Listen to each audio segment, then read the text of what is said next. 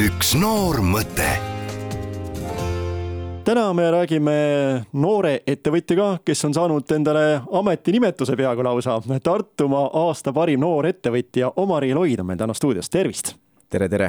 kipub nii olema, et need noored, kes on kuidagi tublid ja edukad ja asjalikud, need on kümnes eri valdkonnas seda korraga. millised on olnud sinu erinevad huvialad, millega sa oled rohkem või vähem oma noore elu jooksul tegelenud? Nii, nii ta kipub olema, see, kes teeb, see jõuab või kuidas öeldakse, on ju. aga minu teekond on läinud niipidi, et ma alustasin äh, noortekeskuses projektide tegemisega ja sealt jõudsin väga kiiresti üleüldiselt noorte valdkonda, ise noorena toimetades olin nii Elva kui ka Tartu noortevolikogus ja siis laiemalt pärast Eesti Noorteühenduste Liidu kaudu seotud erinevate noortevaldkonna ettevõtete, ettevõtmistega siis nii Eestis kui ka Euroopa tasandil.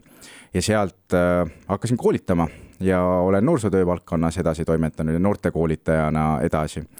teisest otsast on mul kogu aeg teadus väga meeldinud ja teadusega toimetamine ja läksin ülikooli keemiat õppima, kus ma siis jõudsin rohkem ettevõtluseni välja, kui ma hakkasin kolme põrsakest teadusteatrit juhtima milline võiks olla selline hea iga, hea aeg ettevõtlusega alustamiseks? Niipea, kui mõte tuleb. ise ma mäletan põrsakestes kõige noorem, kes me tööle võtsime, oli too hetk neljateistaastane.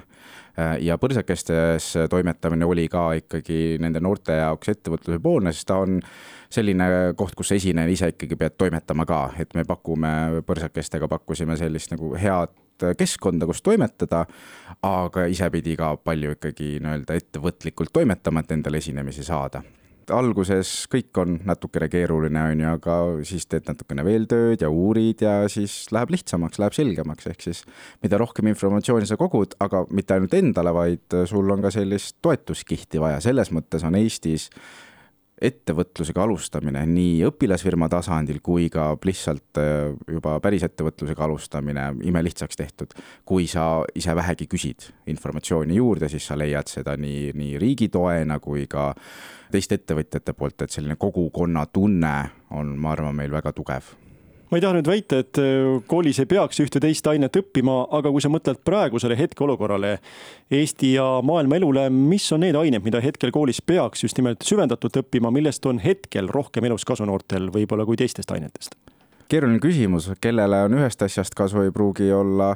esimesele äh, sellest kasu ma üldiselt olen laiema pildiga nõus, et meil on koolis natukene liiga palju asju. Äh, et see ajabki nii-öelda fookuse laiali, aga minu enda vaatevinklist äh, väga kallutatud siis vaatevinkel on loodusainete poole, äh, millega ma viimased äh, kümme aastat olen siis peamiselt tegelikult tegelenud, et need annavad selle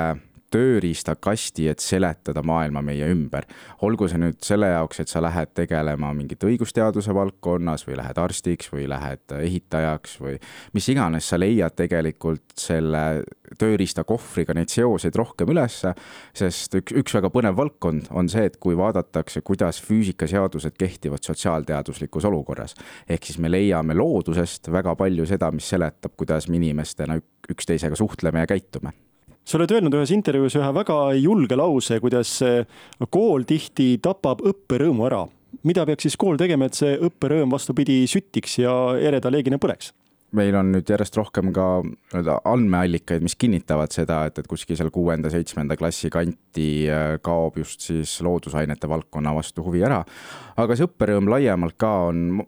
see ongi selline ühelt poolt selline mängulisuse vähenemine ja läheb kuidagi väga kastisüsteemiks ära, mis ei saa väga paljudele siis koolis äh, toimetavate inimestele absoluutselt ette heitagi, sest õpetaja, noh, praegu õpetaja palk ja õpetaja koormus on väga aktuaalne teema, on ju ja ei saagi seda ette heita, sellepärast et kõigil on vaja ellu jääda praeguses süsteemis. ja ma arvan, et, et kõik see läheb paremaks, kui meil on rohkem hingamisruumi, sellist reflektsioonihetke võtta, ettevalmistamist võtta, sest praegu no see ei ole ainult kooli teema, aga kui võtta sellest kooli vaatevinklist, siis äh, kõik on sellises äh, toimetamise riimis kogu aeg, et ei ole seda hetke, et me nüüd nagu mõtleme, mis me teeme, vaid nüüd tuleb üks tund, teine tund, kolmas tund ja lähed kogu aeg, et sul ei olegi sellist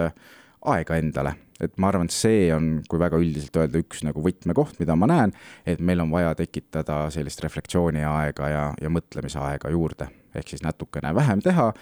ja see, mida me teeme, seda paremini teha selles mõttes see, mida tundides tehakse, see sisu, see peab olema selle inimese nägu, kes seda teeb. noh, kõik meist, kes on teinud kellegi teise PowerPointi esitlust, ei ole kunagi ennast väga mugavalt sellest tundnud ja, ja tihti meil on õpetajad olukorras, kus äh, nad õpetavad näiteks füüsikat, aga nad on ise kehalise kasvatuse õpetajad, sest kedagi teist ei olnud võtta. või kuni selleni välja, et keegi kutsuti külast praegu kooli, sest tõesti kedagi teist ei olnud valmis tulema. ja nüüd, kui sa panedki õpetaja olukorda, kus ta ei ole selleks ette valmistatud, siis äh, kõige lihtsam asi, mis on teha, on võtta õpik ja minnagi nii-öelda sellise kastisüsteemi järgi. ja teine osa sellest ongi see õpetajaskonna julgus või kui palju me loome sellist keskkonda, et meie õpetajad saavad olla julged, teha tundi niimoodi, nagu see on nende arust oluline äh, versus, et see on jälle kuskil siis nii-öelda näpuga õppekava järgi kuskilt ette valmistatud äh, õpiku teksti järgi tegemine kas õpetaja kui selline füüsiliselt klassi ees on vajalik täna, viiekümne aasta pärast ja saja aasta pärast? alati on, see on see inimlik pool, jah, me ei tea, kuhu tehisaru areneb, et kui me lähme palju võimekamaks, kui meie praegused äh, lahendused on, siis ma kardan, et see emotsionaalne intelligentsus või selle nii-öelda tunne, et see masin on emotsionaalselt intelligentne, see jõuab kätte, mis võtab ka ühe nagu peamise argumendi ära, miks meil inimest on masina kõrval vaja, sest kõik need asjad, mis on inimlikud, mis on see, et me vaatame üksteisele silma praegu, meil tekib teistsugune side, kui me räägiksime kuskil Messengeri kaudu, et seda sa ei saa niipea arvutiga tekitada, aga kõik liigub selle poole, et sa saad neid avataare ja, ja rääkivaid roboteid tekitada. aga teiselt poolt me peame suutma jääma äh, inimesteks kõige selle juures, oma inimlikkust hoidma selle juures ehk siis tehnika tuleb paratamatult peale, see on isegi hea, et tuleb mm, -hmm. aga mida rohkem tehnikat meie elus on, seda rohkem vajame me päris inimest, kellele otsa vaadata, kellega juttu ajada. just, just. suur aitäh, Omar Loid täna külla tulemast, rohkem tehnikat ja rohkem inimesi, võiks öelda siis jutu lõpetuseks just, aitäh